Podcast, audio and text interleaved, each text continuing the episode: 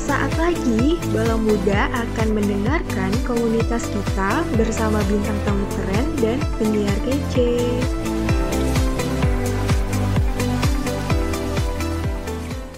Hai Bala Muda, jumpa lagi di Koki dalam Orkes Orang RDK Berpodcast bareng pria dan juga bintang tamu keren kita yaitu Kak Abil dari komunitas Jaga Rimba.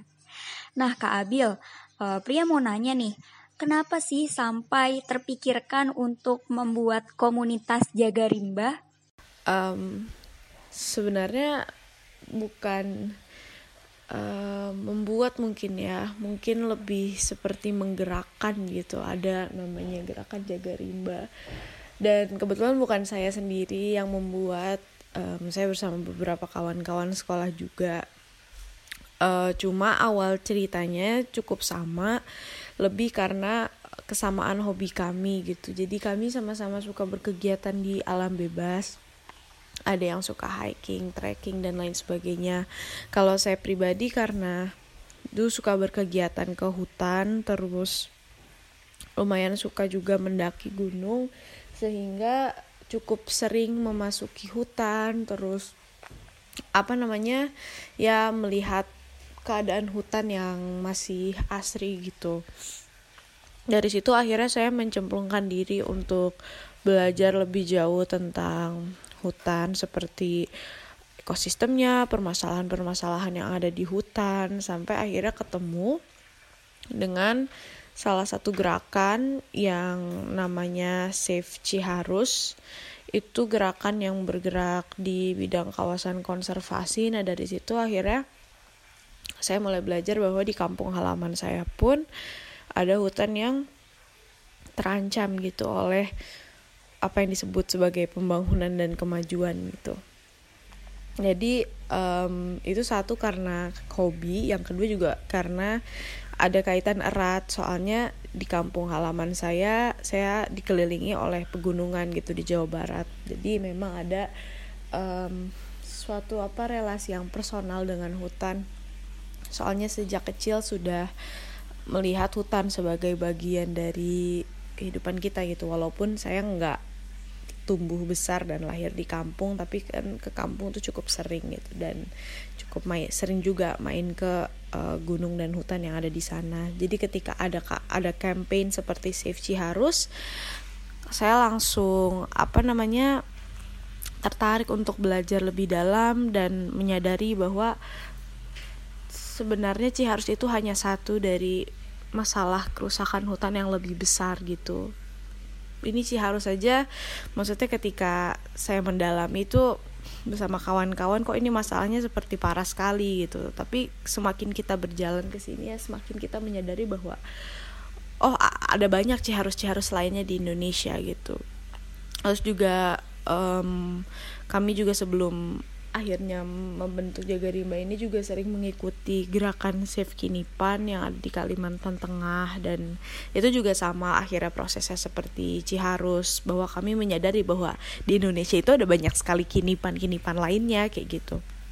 Sampai akhirnya kami tergeraklah untuk membentuk suatu gerakan sebenarnya bukan komunitas uh, untuk mengampanyekan dan meningkatkan penyadar tahuan kawan-kawan sekolah awalnya tentang permasalahan hutan di Indonesia dengan membentuk gerakan ini harapannya supaya bisa membuat semacam kelompok belajar bersama lah istilahnya untuk belajar bersama-sama tentang permasalahan deforestasi permasalahan hutan di Indonesia terus mengampanyekan dan menggerakkan itu bersama-sama juga kayak gitu. Karena kami merasa bahwa uh, permasalahan ini tidak banyak dibicarakan di sekolah-sekolah. Kami mau menciptakan alternatif dari itu, di mana uh, siswa itu bisa berekspresi dan menyampaikan pendapat mereka secara bebas, mendialogkannya satu sama lain tanpa harus takut merasa salah kayak gitu.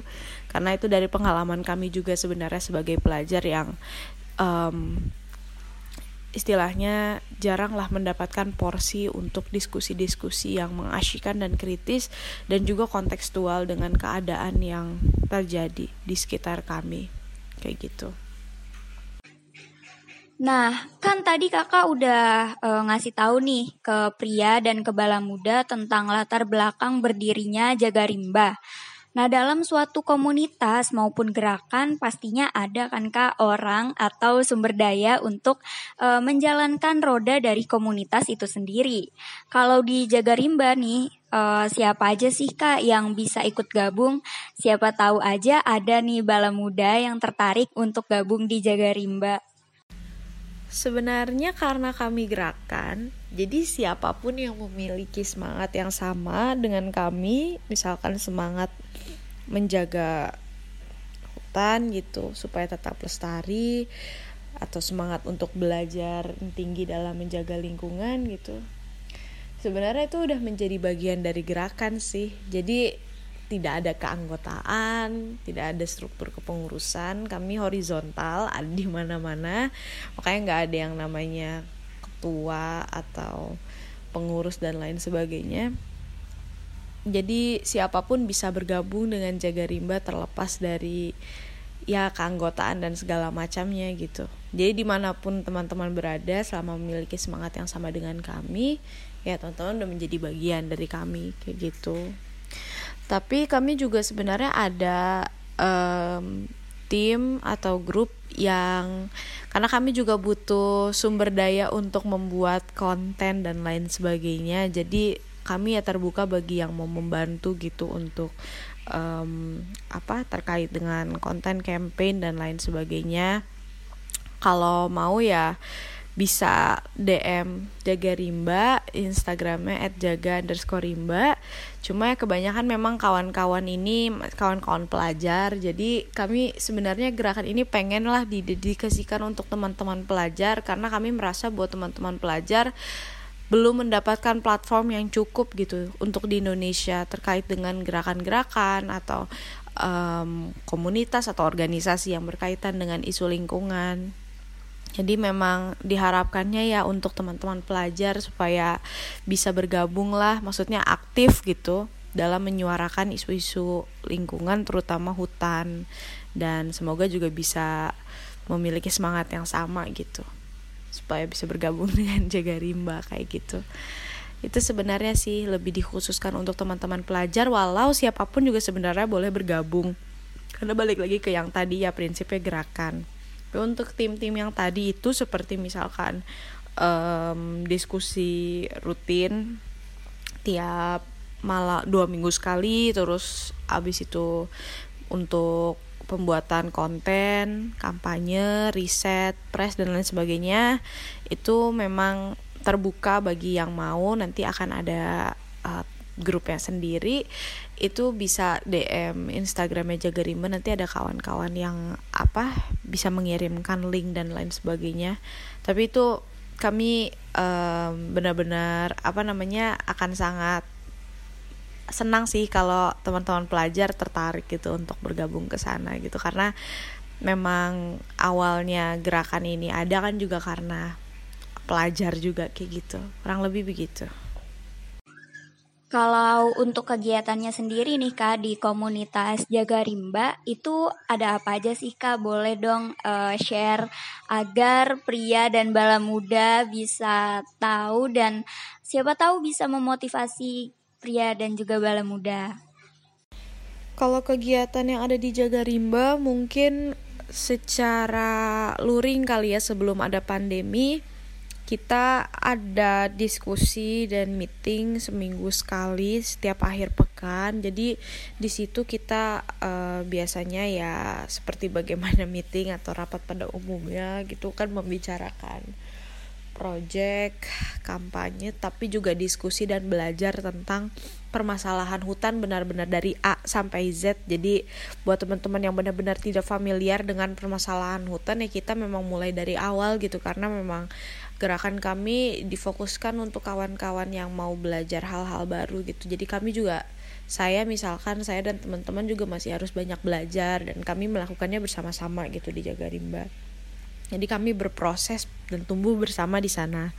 Kemudian kami juga melakukan sosialisasi sosialisasi kepada kawan-kawan pelajar lainnya. Dalam arti kata sharing lah atau berbagi ilmu yang sudah kami dapatkan tentang hutan kepada eh, kawan-kawan pelajar lain yang mungkin tidak memiliki waktu atau misalkan belum memiliki kesempatan atau akses untuk mempelajari hal tersebut gitu. Tapi yang kemarin kami membatasi isunya kepada masalah di kawasan konservasi gitu. Karena kan itu yang erat dan sangat berkaitan dengan teman-teman pecinta alam ya di um, sekolah-sekolah gitu. Kegiatan pendakian dan lain sebagainya yang sering kali kadang suka memasuki kawasan konservasi yang seharusnya tidak dimasuki gitu seperti cagar alam. Jadi waktu itu sosialisasinya masih sebatas di situ untuk melimitasi um, luasan cakupan pembahasan tentang hutan gitu. Cuma kami berharap ke depannya mungkin bisa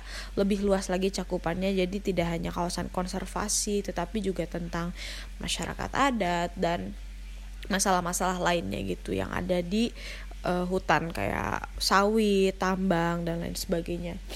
Um, terus setelah itu kita juga setiap Jumat ada aksi mungkin yang udah cukup dikenal banyak orang ada mogok sekolah untuk hutan di depan Kementerian Lingkungan Hidup dan Kehutanan itu setiap Jumat pagi.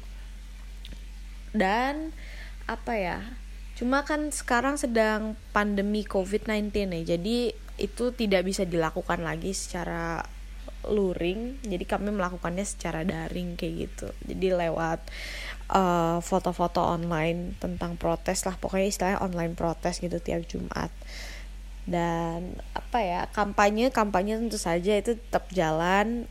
Jadi kita uh, ada banyak kampanye sebenarnya. Kita di sini berbagi sharing sih lebih ke sharing tentang permasalahan-permasalahan apa aja yang ada di hutan Indonesia. Jadi kami kemarin sempat kampanye tentang kinipan Ciharus sadar kawasan food estate juga hutan-hutan adat lain kayak Akejira. Tapi kalau kita rangkum secara umum sebenarnya kampanye jaga rimba itu berfokus pada um, eksploitasi uh, di kawasan hutan apa aja bentuknya dan juga uh, hak-hak masyarakat lokal atau masyarakat adat yang terampas karena adanya eksploitasi tersebut itu sebenarnya kampanye yang kami kerjakan. Jadi kurang lebih kegiatannya seperti itu sih.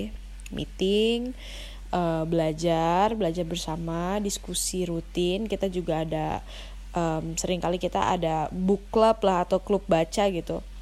Jadi setiap uh, berapa minggu sekali akan diberikan akses untuk bacaan terkait hutan.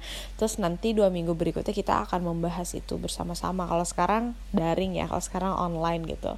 Sambil nonton bareng gitu misalkan. Jadi ya memang sebenarnya intinya belajar terus kampanye juga dan aksi juga.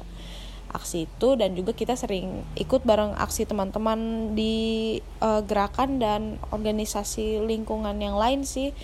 Kayak waktu itu kami bersama dengan uh, jeda iklim kami sering apa ikut juga gerakan-gerakan untuk menuntut pemerintah supaya melakukan aksi segera untuk iklim gitu. Itu setiap bulan itu ada sebenarnya kalau saya nggak salah. Cuma karena pandemi ini jadi nggak ada gitu. Jadi ikut aksi global uh, di tanggal-tanggal tertentu aja dan kegiatannya dibatasi secara daring sih kebanyakan secara daring. Walaupun ada beberapa yang secara offline juga. Cuma sekarang mengingat angka angka covid yang terus meningkat juga dan uh, apa namanya situasi yang belum juga membaik akhirnya kami memutuskan untuk melakukannya daring sih sekarang. Semuanya jadi pindah ke daring kurang lebih kayak gitu. Tapi tetap jalan kegiatan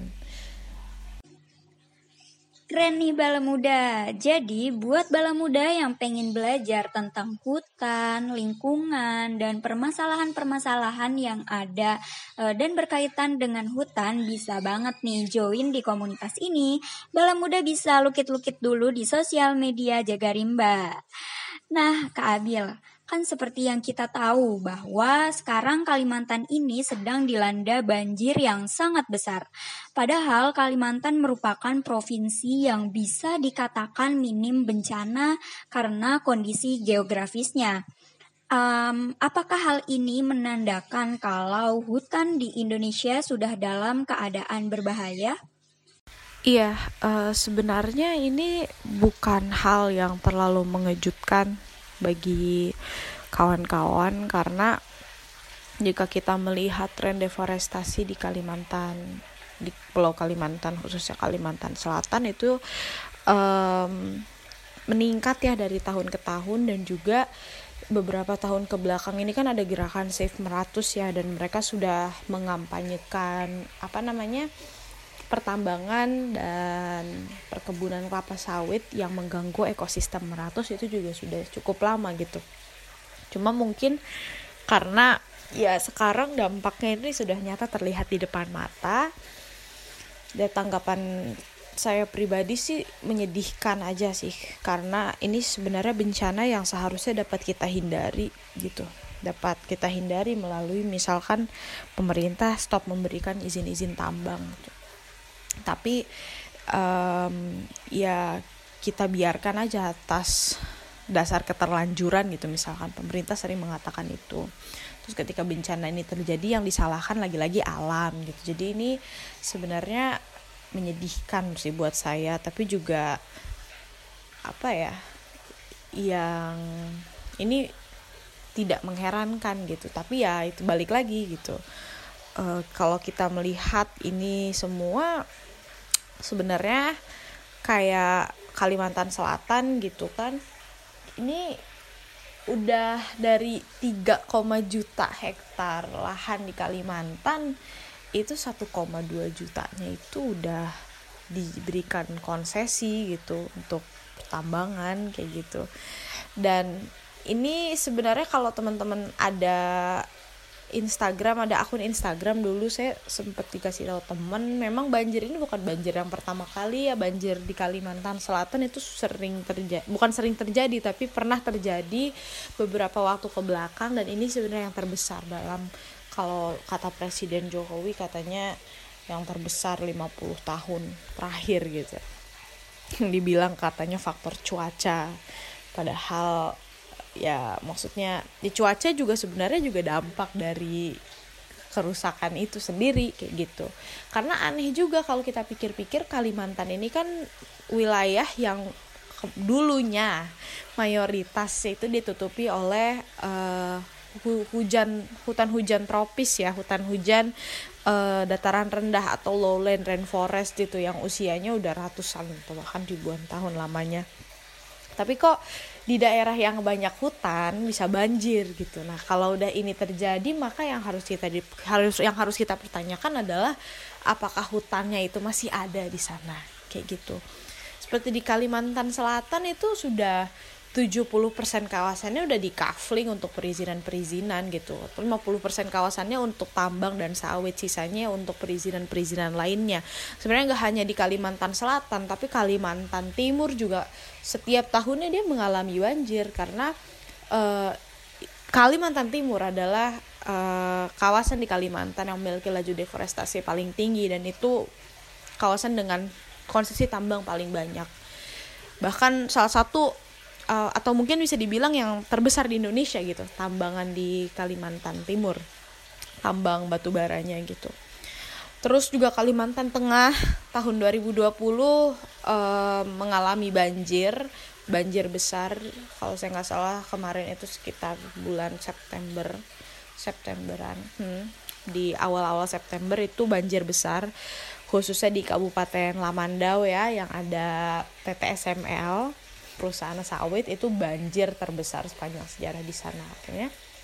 Kini pan juga desa yang ada di Kalimantan Tengah itu kan terletak di daerah hulu gitu di daerah hulu sungai tapi kok bisa banjir sebesar itu gitu. Bahkan mereka banjir mengalami dua kali kalau saya nggak salah 2020 di bulan September itu dan juga di bulan Juli gitu. Bulan yang seharusnya kita memasuki musim kemarau tapi kawan-kawan di Kinipan malah mengalami banjir. Itu kan ada anomali cuaca yang sebenarnya bisa kita uh, cegah gitu buat kawan-kawan yang mungkin paham gitu dengan siklus hujan ini kan dengan adanya hutan yang ditebang ini kan berkontribusi terhadap perubahan iklim atau krisis iklim gitu yang akhirnya meningkatkan suhu rata-rata bumi. Di Indonesia juga tentu saja meningkat suhu rata-ratanya yang nanti juga akan berdampak pada keseluruhan siklus hujan itu sendiri gitu. Bagaimana nanti di awan menampung lebih banyak hujan curah apa air dari hasil evaporasi itu yang nantinya akan turun jadi hujan intensitasnya akan lebih tinggi. Terus juga um, di carbon brief gitu ya dari IPCC juga kenaikan suhu 1,5 derajat. Itu kan kita ada di kenaikan suhu 1,2 derajat nih ya dan itu sudah berdampak banyak dan sudah berdampak besar juga gitu. Banyak desa-desa yang tenggelam karena naiknya permukaan air laut di Indonesia. Banjir karena itu juga naiknya permukaan air laut sering terjadi gitu. Nah itu kalau kita naik 1,5 derajat intensitas hujan itu di Asia Tenggara bisa meningkat 4 persen sekarang kita ada di kenaikan 1,2 derajat gitu. Dan ini yang udah terjadi. Apalagi akan terjadi jika krisis iklim nanti kenaikan 1,5 derajat gitu. Itu udah terjadi depan mata sebenarnya sekarang kerusakannya cuma ketika itu memburuk menjadi 1,5 derajat dan misalkan perusahaan-perusahaan tambang dan perusahaan sawit ini terus beroperasi dengan bebas mereka tidak dikenakan sanksi atau mereka tidak di stop atau dicabut izinnya ya bisa jadi pilihannya hanya dua gitu tenggelam atau mati gitu nanti ketika di masa akan datang. Maka kalau kita bilang krisis iklim atau bicara tentang perubahan iklim kan kita sering kali bicara tentang sesuatu yang jauh di depan mata ya seperti di 2030 atau 2050 gitu. Tapi itu sekarang udah terjadi sekarang kayak gitu. Kerusakan itu udah nyata apalagi tentang kerusakan kawasan hutan. Dari ratusan juta hektar sekarang tinggal puluhan juta itu. Itu kan bukti dari keserakahan segelintir pihak kayak gitu.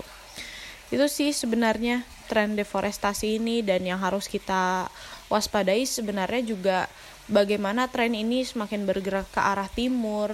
Bukan karena kalau kita lihat angka deforestasi di Pulau Sumatera sama Kalimantan itu kan sebenarnya um, agak sedikit berkurang gitu dari tahun ke tahun itu bukan karena pemerintah dan perusahaan semakin sadar tapi karena luasan hutan di dua pulau ini semakin berkurang. Nah maka dari itu akhirnya mereka semakin bergerak lah ke arah timur gitu. Seperti misalkan di kawasan Maluku dan juga Papua Sulawesi yang masih memiliki misalkan hutan-hutan yang asri gitu. Itu sebenarnya harus kita waspadai tren yang ke arah timur ini karena hutan yang masih asri tersisa dan luas itu ada di Papua gitu.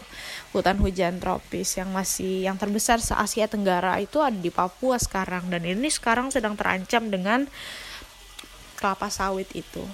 Jadi ya itu yang harus kita waspadai bersama-sama. Yang harus kita suarakan terus bersama gitu. Tapi ya yang saya lihat sekarang yang bersyukur juga sih akhirnya banyak kawan-kawan yang turut menyuarakan gak hanya kawan-kawan dari um, gerakan advokasi lingkungan tapi juga masyarakat secara umum kayak gitu. Itu sih sebenarnya tanggapan saya. Terima kasih Bala Muda, hari ini Kak Abil udah ngasih banyak pengetahuan tentang hutan nih. Jadi mulai sekarang, yuk mulai peduli dengan hutan sebelum hutan kita benar-benar habis. So, sampai jumpa di Koki episode selanjutnya ya. Dadah. Baru aja nih Bala Muda mendengarkan komunitas kita, simak program ini setiap Kamis jam 1 siang hanya di 107,9 RDK FM, komunitasmu inspirasimu.